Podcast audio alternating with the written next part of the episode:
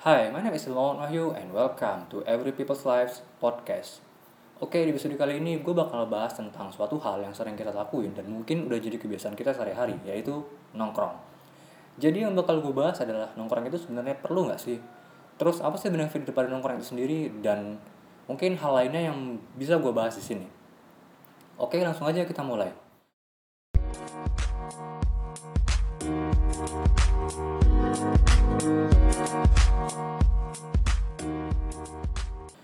Pertama-tama itu gue mau jelasin dulu definisi daripada nongkrong itu sendiri. Jadi nongkrong merupakan sebuah istilah yang biasa dipakai untuk berkumpul bersama teman di suatu tempat. Dan biasanya ketika nongkrong akan terjadi pembicaraan segala macam hal dari mulai yang remeh hingga hal yang serius. Jadi nongkrong itu seperti acara duduk-duduk bareng temen yang biasanya dilakukan di suatu tempat. Nah, biasanya sih nongkrong seringnya dilakukan sama anak-anak kuliah, atau anak sekolah, atau juga anak-anak muda. Tapi nggak jarang juga gue ngelihat ada orang tua yang ikutan nongkrong juga. Tapi kali ini karena gue anak muda, ya mungkin gue bakal bahas nongkrong itu daripada sisi anak muda. Ngomong-ngomong tentang nongkrong, ngerasa nggak sih masa muda lo itu udah beda, apalagi setelah kehidupan habis kuliah. Yang biasanya teman-teman sepermainan lo itu diajak nongkrong kapan aja dan di mana aja, oke aja kan ya. Tapi sekarang pasti udah gak susah. Sebenarnya itu salah satu hal yang udah biasa. Habis kuliah itu pasti lo sama teman-teman lo itu udah mulai cari kerjaan masing-masing dong Nah, terus juga ada juga teman-teman lo yang mungkin kebanyakan udah dapat kerja juga. Jadi selain mereka udah punya kerjaan masing-masing, mereka juga punya kesibukan masing-masing. Nah, karena itu mereka itu juga udah punya dunia sendiri dan jadi nggak selamanya mereka dan lo itu ada di lingkungan yang sama lagi. Tapi sih sebenarnya lo masih bisa kok orang bareng sama teman-teman lo itu. Nah di sini gue memberi beberapa saran yang mungkin bisa lo pertimbangin kalau lo mau ngajak nongkrong bareng teman-teman lama lo itu. Yang pertama itu coba ajak mereka dari jauh-jauh hari. Terus juga coba ajak mereka di waktu mereka senggang jangan di hari mereka kerja.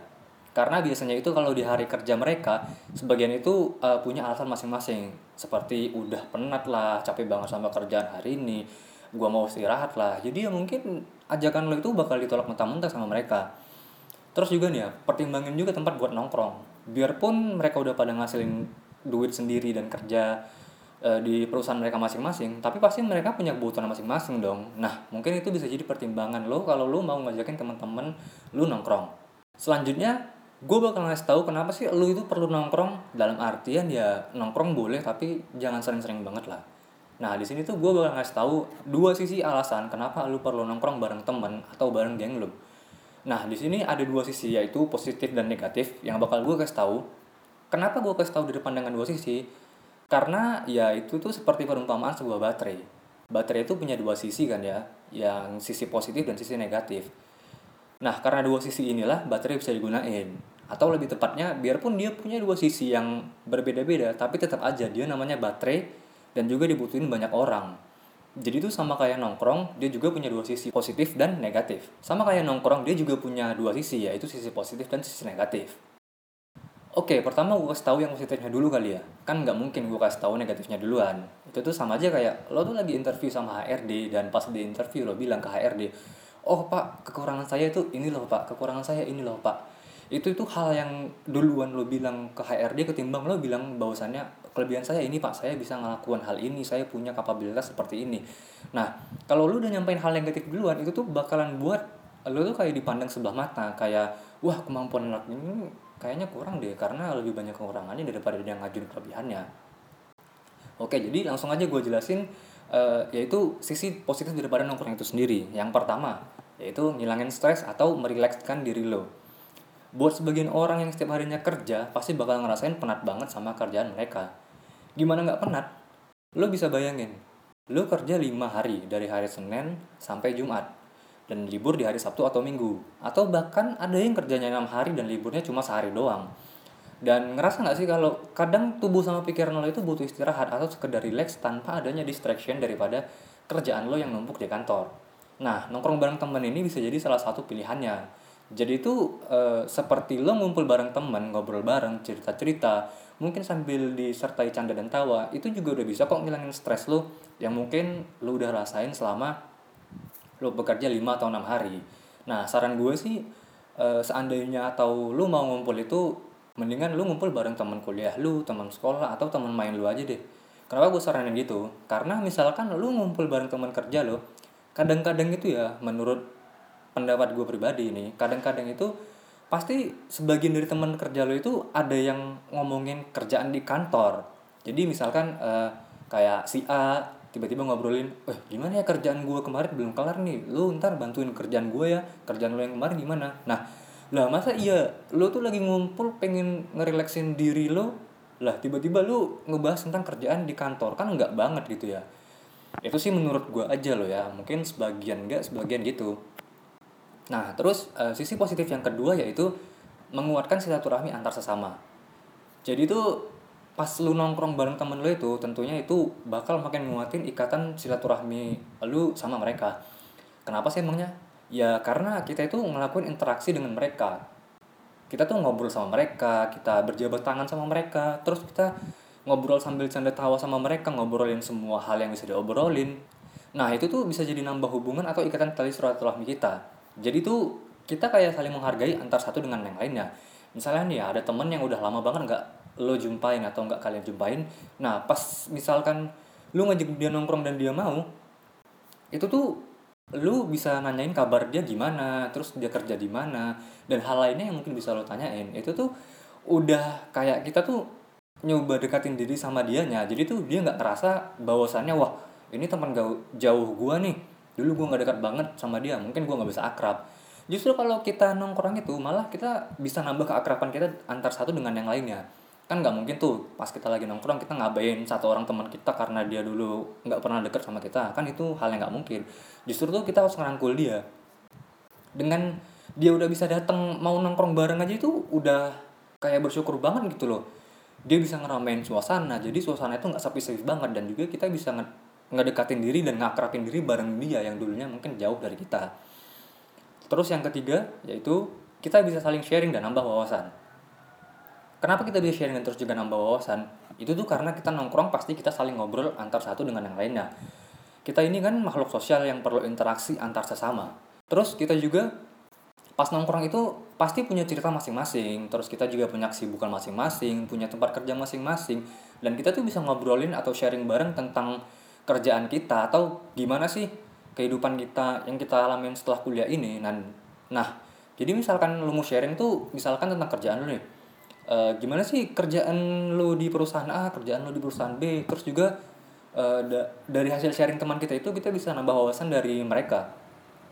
Oh ternyata kerja di perusahaan itu gini loh kerjaan di perusahaan B itu pengalamannya gini loh. Jadi kita bisa nambah ilmu kita dari segala hal. Jadi tuh pastinya nongkrong bisa nambah wawasan kita dengan adanya lingkaran pertemanan kita yang beda-beda perusahaan tadi beda kesibukan beda kehidupan tentunya Selain itu mungkin bisa juga sharing pengalaman kehidupan pribadi mereka yang ada selama ini dan masih banyak lagi hal yang bisa kita bahas atau kita sharing baik itu yang bermanfaat bagi diri kita dan teman-teman kita ataupun hal yang mungkin kurang berfaedah pasti kadang itu ada yang kita bahas di saat kita nongkrong. Nah mungkin tiga itu aja dari segi positifnya. Yang selanjutnya bakal gue jelasin itu segi negatif daripada nongkrong itu sendiri. Ternyata ada juga loh segi negatifnya menurut pandangan gue itu pertama wasting time Sebenarnya wasting time ini nggak berlaku bagi sebagian orang ya. Namun ada juga sebagian yang anggap nongkrong tanpa kejelasan itu sih wasting time. Kadang sih emang kepikiran gitu. Tapi selagi pas nongkrong kita sharing gimana kerjaan kita, sharing tentang wawasan yang berguna bagi kita dan teman-teman atau sharing tentang kehidupan ya mungkin bisa bermanfaat buat kita. Ya sebenarnya itu tuh nggak masalah sebenarnya. Jadi anggapan wasting time ini kembali lagi ke pribadi masing-masing berdasar dari apa yang udah gue sebut sebelumnya bahwasannya kalau kita manfaatin nongkrong itu untuk hal yang berguna kita tuh nggak bakalan wasting time banget deh. Nah saran dari gue nih ya kalau lu nggak mau nganggap nongkrong itu wasting time yaitu batasin waktu nongkrong lu. Misalkan lu nongkrong ini seminggu kira-kira cuman boleh sekali atau dua kali atau mungkin pas jam libur lu aja lu nongkrong nah itu boleh. Jadi selain lu nggak wasting time terlalu banyak lu juga bisa relax dari kerjaan lu selama minggu itu Lalu yang kedua yaitu ngamburin duit. Nah kalau ini sih bisa jadi pertimbangan bagi banyak orang juga termasuk gue sih kadang mikirnya nongkrong tuh kadang ngamburin duit. Secara ya berdasarkan hasil pengamatan gue kalau nongkrong itu pasti biasanya di tempat yang elit gitu ya biasanya. Mungkin kayak kafe-kafe atau resto gitu deh yang biasanya itu punya suasana asik terus juga tempatnya instagramable banget deh. Jadi bisa dimasukin story ataupun buat foto-foto. Nah kadang tuh tempat beginian itu yang pastinya butuh biaya atau dana lebih yang harus lo keluarin dari kantong lo. Jarang sih gue liat ada anak yang nongkrong di warung-warung lesan gitu. Ada sih ya sebagian tapi menurut gue nggak banyak. Rata-rata itu ya kadang lah kalau ke warung lesehan itu cuma numpang makan doang kalinya. Jadi selesai dia nongkrong di tempat A dia ke warung lesehan buat makan. Nah itu kan justru nambah pengeluaran budget lo. Nah gue punya saran nih biar nongkrong lo tuh nggak ngabisin duit banget. Itu tuh caranya lo bisa nongkrong bareng mungkin di rumah temen lo atau di rumah lo lalu lu beli makan bareng patungan untuk jajan-jajan kali ya beli makanan seperti minuman ringan atau makanan ringan untuk dimakan bareng dan ngobrolin hal-hal yang lainnya ketika nongkrong. Mungkin biar lu nggak bosan nongkrong di rumah itu bisa ganti-gantian gitu. Misalnya minggu ini di rumah si A minggu depannya di rumah si B. Jadi itu ya bisa ngehemat pengeluaran lo juga dan juga bisa mendekatin diri lo sama temen lo selain itu juga ya saran dari gue sama seperti di atas kalau bisa lu batasin waktu nongkrong lu. Jangan tiap hari kerja lu nongkrong lu di cafe elit. Bisa jebol itu kantong celana lu kalau lama-lama lu nongkrong terus. Lu capek-capek kerja nah duit lu habis ngalor ngidul cuman buat nongkrong. Eh, emang sih itu hak lu buat ngabisin duit lu hasil kerja keras keringat lu sendiri. Tapi ya pasti lu punya kebutuhan atau keinginan yang lu pengen kan untuk ke depannya dan selamanya hidup lo itu cuma sekedar nongkrong nongkrong ya kan ya oke jadi itu aja mungkin dari sisi positif sama negatif daripada nongkrong itu sendiri jadi kesimpulannya pertama yaitu daripada sisi positifnya, pertama itu bisa ngilangin stres lu atau ngebuat relaxing diri lu daripada kerjaan lu yang udah seminggu mungkin lu pernah di kerjaan lo gitu ya. Terus yang kedua, lu bisa nguatin silaturahmi antar sesama teman lu pastinya. Yang ketiga yaitu lu sama teman lu juga bisa makin nambah wawasan dengan saling sharing hal-hal yang positif. Nah, itu dari sisi positifnya. Terus yang kedua itu sisi negatifnya. Pertama, yaitu wasting time ya emang sih kadang sebagian orang mikirin hal ini juga tapi ya itu nongkrong boleh tapi jangan keseringan banget jadi lu tuh harus membatasin waktu nongkrong lu yang kedua yaitu ngamburin uang. Nah ini juga jadi problem ya karena biasa sih nongkrong itu pasti kadang ngabisin uang lu juga. Nah di sini lu juga harus batasin juga.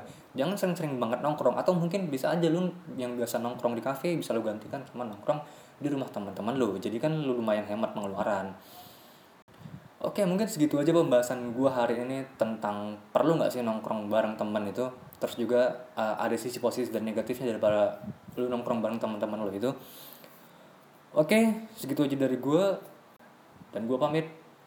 See you in the next episode